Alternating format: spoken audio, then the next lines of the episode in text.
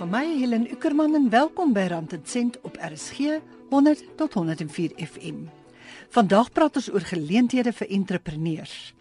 Die Suid-Afrikaanse ekonomie beleef nou wel uitdagende tye, maar bied ook lekker geleenthede vir entrepreneurs wat nuwe ondernemings wil begin of hulle bestaande onderneming na 'n volgende vlak wil neem.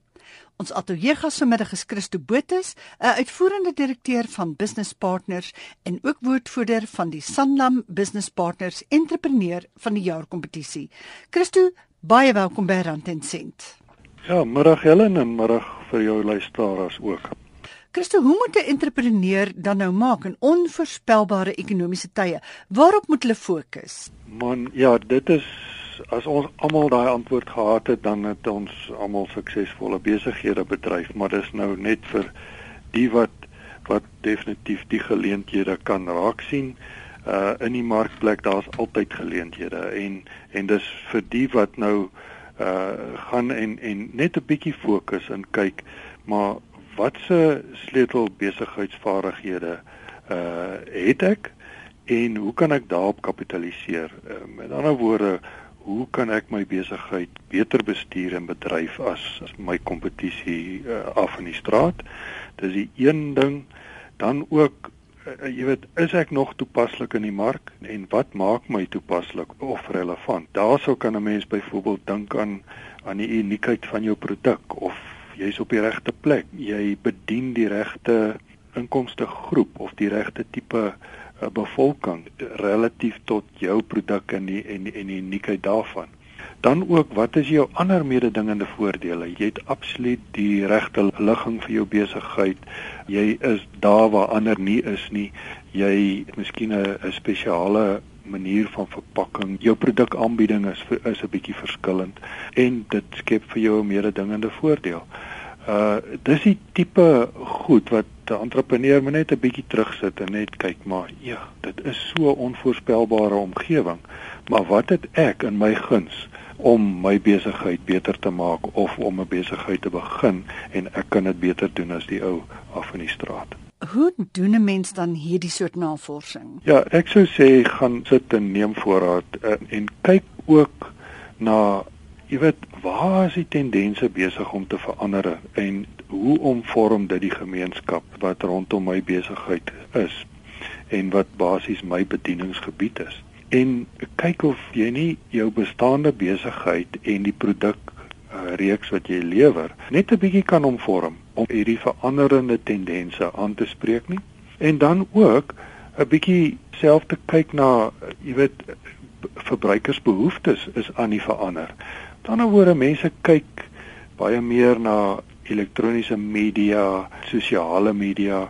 Hulle is minder sosiaal na buite, hulle is meer sosiaal na binne. En miskien moet jou produkte daarbey aanpas sodat jy daai gaping in die mark kan vul. Ja, jy moet innoverend dink en dan daai geleenthede raak sien maar binne jou besigheidsomgewing. En dit is nie noodwendig dat jy moet gaan vir nuwe produkte en dienste nie. Dit is miskien net die manier hoe jy jou bestaande produkte net op 'n beter manier aanbied om die veranderende tendense aan te spreek en ook verbruikersbehoeftes soos wat dit verander. Dit is nie 'n maklike ding om te doen in moeilike tye nie. Kan jy vir ons 'n paar voorbeelde gee van entrepreneurs wat suksesvolle ondernemings begin het of hulle ondernemings gegroei het in moeilike tye. Een van die wat vir my nogal redelik uitstaan is is in die opvoedkundige bedryf. Ons weet dat ons publieke opvoedkundige gewing is nie wat dit was nie en uh die kwaliteit is net nie meer daar nie en daar's Chris van der Merwe wat die geleentheid gesien het om bekostigbare privaat uh, opvoeding of of skoling vir studente aan te bied. Kiro Holdings is begin en Hulle het absoluut die mark gevat. Hulle het ook genoteer op die beurs en hulle het gesê, "Man, teen die jaar 2020 wil ons 40 skole hê. Privaat skole wat bekostigbaar is vir die middelinkomste segment van die mark." Hulle sal teen die einde van hierdie jaar 40 skole hê. So met ander woorde 6 jaar voordat hulle vooruitskatting tydperk uh, ten einde loop. Het hulle dit alreeds bereik. So met ander woorde van 2010 toe hulle genoteer het tot nou toe het hulle 40 skole geopen en hulle is 'n weghol sukses. 'n Mens kan aan ander ook dink, jy weet, want daar's geleenthede in alternatiewe energiebronne. Daar's tekort aan studente akkommodasie by universiteite en en colleges. Daar's die mark in Afrika wat aan die oopmaak is.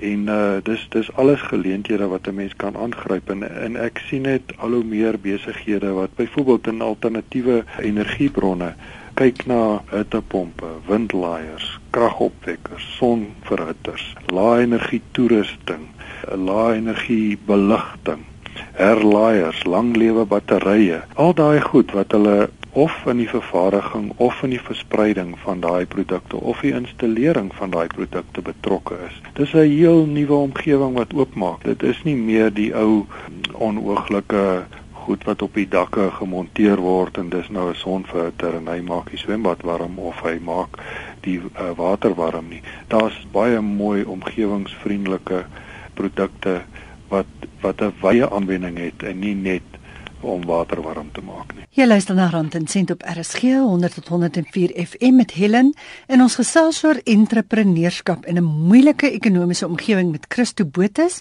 uitvoerende direkteur van Business Partners en ook woordvoerder van die Sanlam Business Partners Entrepreneur van die jaar kompetisie.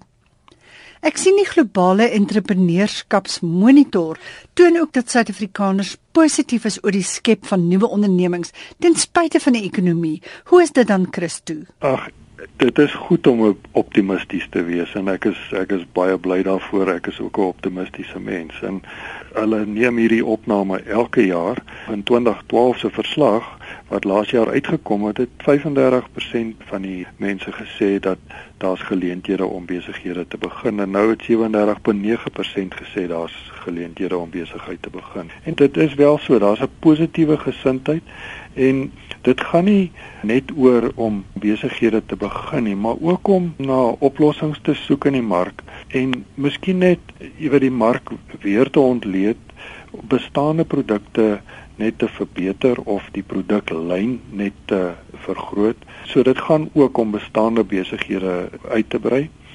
Ek meen daar moet tog 'n begeerte in 'n drang en 'n behoefte wees na meer kennis en dit is wat entrepreneurs gewoonlik het 'n iets wat in hulle arsenaal is wat hulle doen en hulle behoefte om meer te weet en om daai geleenthede dan aan te gryp en te kyk na wat is die jongste tendense en hoe kan ek daarop kapitaliseer. Hulle kyk ook na wat se nuwe tegnologie is daar en hoe kan ek dit in my besigheid aanwend om 'n gaping in die mark te vul. Ek dink daar's soveel nuwe goed wat wêreldwyd gebeur en soos die ander geleenthede wat ek ook al reeds genoem het soos byvoorbeeld alternatiewe energie en uh die tekort aan studente akkommodasie nou kan ek tegnologie en my produkaanbieding beter maak dat ek 'n mededingende voordeel het op ander. Daar's baie goeie idees, maar wat swak uitgevoer word. Ek dink dit is dan ook juist die kenmerk van 'n suksesvolle entrepreneur dat hy weet hoe om daai bal aan die rol te sit. Absoluut. En 'n suksesvolle entrepreneur kan iets wat voorheen misluk het, kan hy 'n sukses van maak omdat dit is nog steeds 'n goeie idee, maar daar was swak uitvoering in die verlede. En nou kom hy met sy kundigheid en ervaring en hy sê wag 'n bietjie, ek kan verbeter op hierdie goeie idee. En waar dit voorheen miskien gefaal het, kan ek nou hierdie produk of diens beter uitrol en 'n sukses daarvan maak. En dit gaan maar net om voor te wees uh, in die mark, né? Nee? En jy moet konstant innoveer beter word om vooruit te kan gaan want, want jou kompetisie vang op met jou. En uh, dis die wonderlikheid van om 'n entrepreneur te wees want jy leef jou kundigheid wat jy opbou en jou innoverende denke kan jy uitleef in jou besigheid. Kan net verbeter en dit gaan maar oor hoe sien ek hierdie produk en kan ek hom nie net 'n bietjie onvorm of miskien net die produklyn verbreek of die diens bietjie beter eh, lewer aan die aan die mark nie of net om eenvoudig te gaan en te sê maar wag 'n bietjie. Hier is hierdie en hierdie risiko's in hierdie omgewing. Maar hoe kan ek hierdie risiko's aanspreek dat dit vir my nie meer so groot risiko is nie? Vir 'n ander entrepreneur is dit nog steeds te hoë risiko maar ek kan by risiko's kan ek mitigeer deur X Y en Z te implementeer. En uh, en dan is ek nog steeds suksesvol en voor in die mark. En dit is 'n ingeligte besluit wat hulle neem. Dit is nie maar net van ek dink ek sal dit kan doen nie. Absoluut. Uh as jy as jy net sommer net instorm en nie werklik jou risiko eers ontleed en 'n ingeligte besluit neem nie, dan kan jy jouself opstel om te faal. En dit is waar 'n goeie idee tot swak uitvoering lei en uh waar die ware entrepreneur hy vat daai goeie idee en hy verbeter nog op daai idee en hy pas sy kundigheid en ervaring toe om daai produk uit te rol. Dit is sommer interessant dat jy dit noem want my volgende vraag was nou juis moet 'n mens die wiel herontdek om suksesvol te wees? En lyk my nie so nie, jy kan hom net verbeter. 'n Voorbeeld van 'n entrepreneur wat dit gemaak het in moeilike ekonomiese tye is Jonathan Peppler, mede-eienaar en konsessiegewer van die Silver Line Group wat geboue oprig met 'n ligte staal konstruksie as raamwerk. Die Silver Line Group was verlede jaar die wenner van die Sanlam Business Partners opkomende entrepreneur van die jaarprys. Jonathan sê goeie gehalte, goeie bemarking, die kies van die regte mark uitstekende diens, die verfyning van 'n bestaande produk, die feit dat dit groen is, dat staal herwinbaar is en dat sulke geboue vinniger opgerig kan word en dat sake ondernemings wat van die metode gebruik maak om hulle geboue op te rig, dis vinniger kan begin sake doen, was vir hulle die wenresep. Ons is eintlik 'n familiebesigheid. Ons is maar entrepreneur van aard. Ons het uh, besig gewees met 'n uh, eiendomsontwikkeling in die Oos-Kaap en uh, maak wel iets iets doen wat groen was. Jy weet iets wat 'n positiewe impak op die omgewing het. Toe ek op die ligte skaalraam metode gekom en uh, sien jy daar is nie regtig iemand in Afrika wat dit behoorlik doen nie. En toe ek op iemand afgekom het wat eintlik bietjie al daarmee geëksperimenteer het en ek het die persoon toe gekontak en ons het toe gesels en ons het besluit om my ontwikkeling op hierdie metode te doen. Toe kom ek agter hierdie metode is eintlik 'n baie goeie konsep en word reg oor die wêreld gebruik. As jy vat in Amerika en Kanada, as jy Netflix kyk, dan sien jy al hulle huise word is eintlik hout houtrame wat hulle bou dan klad hulle dit met verskillende produkte aan die buitekant en binnekant. Soos mense nou verder ondersoek het, het ek meer en meer agtergekom dat hierdie eintlik 'n baie goeie produk is en 'n baie goeie konsep is En ons het begin bou op hierdie metode. Ons het begin huise bou en so aan. En toe kom ons agter dat die gesofistikeerde mark, die meer opgeleide mense, hulle verstaan groen en hulle wil graag 'n groot bydrae lewer en uh, ons het begin om te bou en en ons het soveel aandag getrek. Ek kon nie voortbly met die aanvraag vir die boumetode. Ek het besluit dit is dalk 'n goeie idee om die konsep op konsessiehouer basis uit te brei. So stadig maar seker dat ons die, die besigheid opgebou as 'n konsessiehouer besigheid. En vandag is dit nou die enigste konsessiehouer konstruksiemaatskappy besigheid in Suid-Afrika wat suksesvol is. Ons ons lewe in moeilike tye en as mense 'n produk het wat volhoubaar is en wat 'n bydrae maak tot die ekonomie en bydrae maak tot die omgewing en 'n langdurige produk. En mense wil mark dit reg. Ek dink bemarking se alles. Jy bemarking is is amper die sleutel tot tot baie dinge.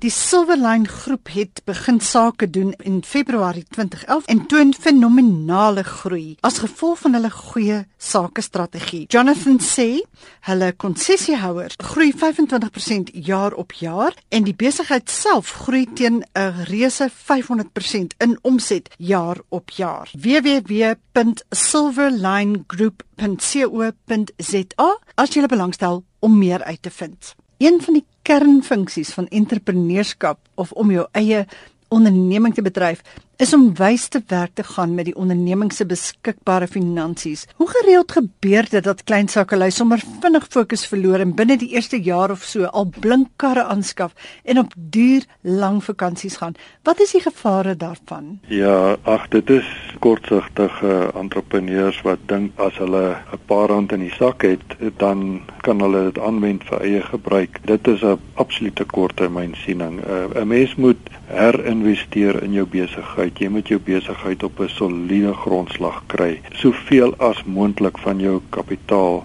wat jy genereer uit die winsgewendheid uh, van jou besigheid, moet jy terugploeg in die besigheid om hom te groei en om hom langtermyn lewensvatbaar te maak, om op lang vakansies te gaan, blink motors te ry, dit uh, genereer nie toekomstige kapitaal nie. En dit is net as jy dit in produktiewe bates sit wat in die besigheid is wat meer produkte of dienste kan uitrol dit is belangrik. Kontantvloei bestuur. As jy geld in die bank het beteken dit nie dat daar nie 'n krediteur is wat wag om te betaal word nie. So met ander daai kontant moet gebruik word om die volgende voorraad aan te koop sodat jy jou produksie engine aan die loop kan hou En ook as jou kliënte nie vir jou betaal nie, dan droog jy kontant op. So jy moet duidelik by die besigheid wees dat ferm bestuur uit 'n kontantvloei hoek met jou produksiekapasiteit moet jy ferm bestuur en kyk hoe jy dit kan uitbrei. Jy moet goeie verhoudings met jou personeel handhaaf en kry dit op 'n soliede basis gevestig voordat jy uh dink jy is 'n gemaakte entrepreneur. Sodra jy dit begin dink, dan is jy al klaar op 'n uh, verkeerde pad want 'n goeie entrepreneur besef ek kan nog steeds beter. As jy nie vandag na die volle program kan luister nie, kan jy rand en sent aflaai as 'n potgooi op RSG se webblad by rsg.co.za. Gaan na die webblad klik op potgooi en tik die naam van die program in. Rand en Sent se vorige programme kan so afgelaai word in MP3 formaat of jy kan aanlyn luister. Jy is by Rand en Sent op RSG en ons praat met Christo Botus, uitvoerende direkteur van Business Partners en ook woordvoerder van die Sanlam Business Partners Entrepreneur van die Jaar kompetisie. Moet 'n entrepreneur of klein sake onderneming spesifiek iemand aanstel om met die besigheid se geld sake te werk of doen mense dit sommer self? Daar moet kontroles wees en uh, dit is baie keer in uh, as die besigheid nog relatief klein is, uh, dan uh, is dit goed dat die entrepreneur daai vaardighede self op hom of haar neem en dit doen.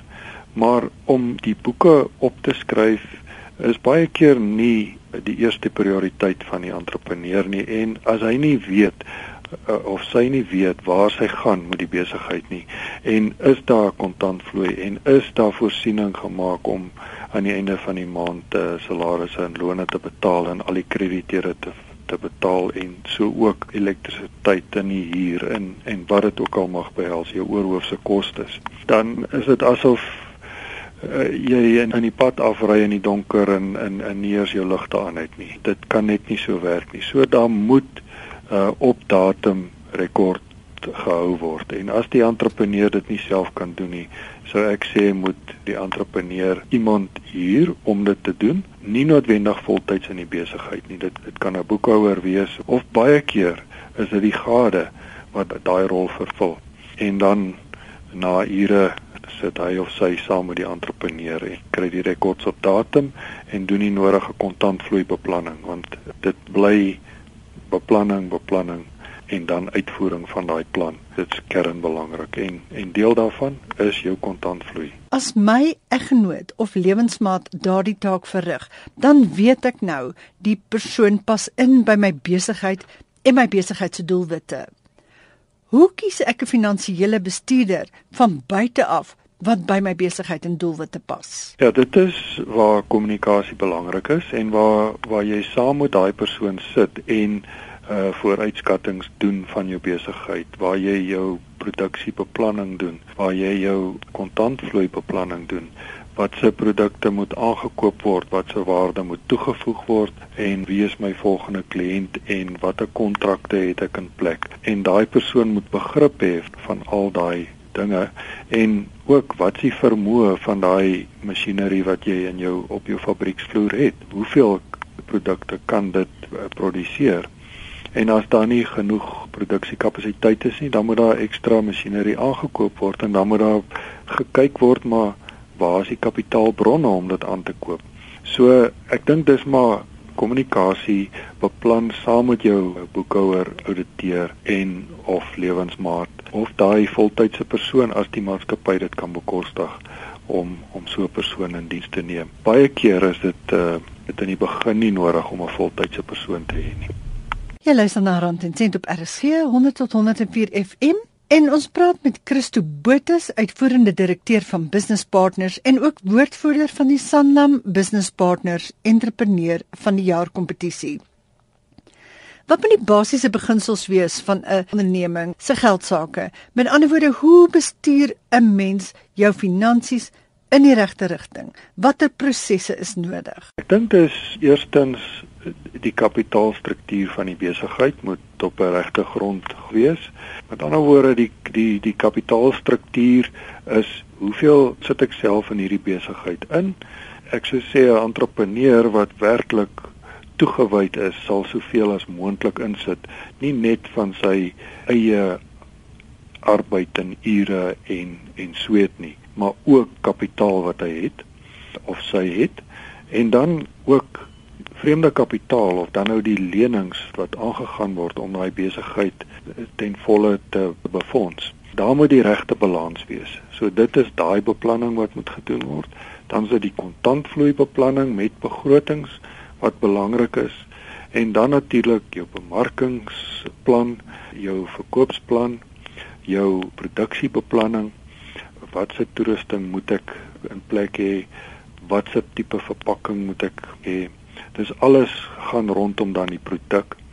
Dit moet gedoen word en dan natuurlik jou personeel en watse vlakke van personeel het ek nodig? Soveel arbeiders het ek nodig, soveel kundiges wat opgelei is om aan die produksiekant uh, betrokke te wees, aan die verkoopskant, aan die uh, daaglikse bestuurskant, selfs aan die aan die finansiële bestuurskant. So dit is 'n hele reeks fasette wat 'n entrepreneur na moet kyk en baie kere die entrepreneur nie al daai kundigheid in plek nie en dis wanneer iets soos 'n 'n mentor iemand wat alreeds daai pad geloop het wat nou wil basies kennis oordra aan die nuwe entrepreneur waar mense hom inroep of haar inroep en sê maar kom help my laat ons kyk na die verskillende aspekte want as jy een of twee aspekte nie aanspreek nie, dan gaan jy nie effektief genoeg wees nie en gaan jy dalk risiko loop om uh verliese te maak en en en dit is tog nie die rede hoekom jy in besigheid is nie. Jy het pas gepraat van hoeveel 'n entrepreneur uit sy eie sak tot sy onderneming moet bydra. Mens kan nie net die hele bedrag leen om 'n fabriek op te sit of wat ook al jou besigheid behels. Ja, dit wissel van besigheid tot besigheid, maar hoe minder skuldverpligting jy het, hoe meer mededingend is jy relatief tot jou kompetisie. Want as jy 'n skuldlas moet dra, dan's daar 'n lyntjie op jou inkomste staat wat sê rente betaal. En as daai syfer te groot is, dan beteken dit jou gelykbreek omset is baie hoër en as iemand anderster 'n baie kleiner rentebetaal komponent het of 'n 'n skuldlas dienskoste, dan dan gaan sy gelykbreek omset baie laer wees. So hoe laer jy daai skuldverpligting hê, kan maak hoe hoe beter vir jou besigheid se winsgewendheid en vir die gelykbreek van jou besigheid, gelykbreek omset. So dis belangrik dat 'n entrepreneur weet, maar as ek die besigheid moet net met skuld begin, dan is ek nie mededingend teenoor my kompetisie nie. En dit is waar baie besighede faal. Hulle is te hoog gerad, hulle het te veel skuld in die besigheid. En in die beginmaande wanneer daai besigheid begin en die eerste 6 maande tot 'n jaar, dan's die omset nog nie daar om al die verpligtinge na te kom nie. En as jy dan nog 'n rentelas het om ook na te kom, dan is daar probleme en dis hoekom 'n groot persentasie ondernemings faal in hulle eerste 3 jaar van bestaan want hulle het nog nie daai gevestigheid in die mark nie maar hulle het 'n groot skuldlas wat hulle moet dien. Christo, waar kan mense met jou in verbinding tree? Kan uh, gekontak word gedurende normaalweg kantoorure by Business Partners 011 713 6600 of hulle kan ons webtuiste besoek selfs as hulle wil toegang hê tot 'n mentor om hulle bietjie te help of een van ons uh, sakeadviseurs kan hulle op ons webtuiste gaan. Dit is www.businesspartners.co.za Ek herhaal net gou bel Christo by 011 713 6600 of gaan kyk na Business Partners se webwerf by www.businesspartners.co.za Ons gas vanmiddag was Christo Botha, uitvoerende direkteur van Business Partners en woordvoerder van die Sanlam Business Partners Entrepreneur van die jaar kompetisie. Baie dankie Christo dat jy vir ons kom kuier het. 'n uh, Groot plesier en ek hoop ek kan van hulp wees. Tyd om te groet rand en sent is volgende Sondag om 0.30 weer terug met meer praktiese raad oor jou persoonlike finansies. Jy kan my kontak op Twitter by handvatsel Helen Ukerman of op Facebook by Rand en Sent Helen Ukerman of jy kan e-pos stuur na helen.uecka@gmail.com. Tot volgende week.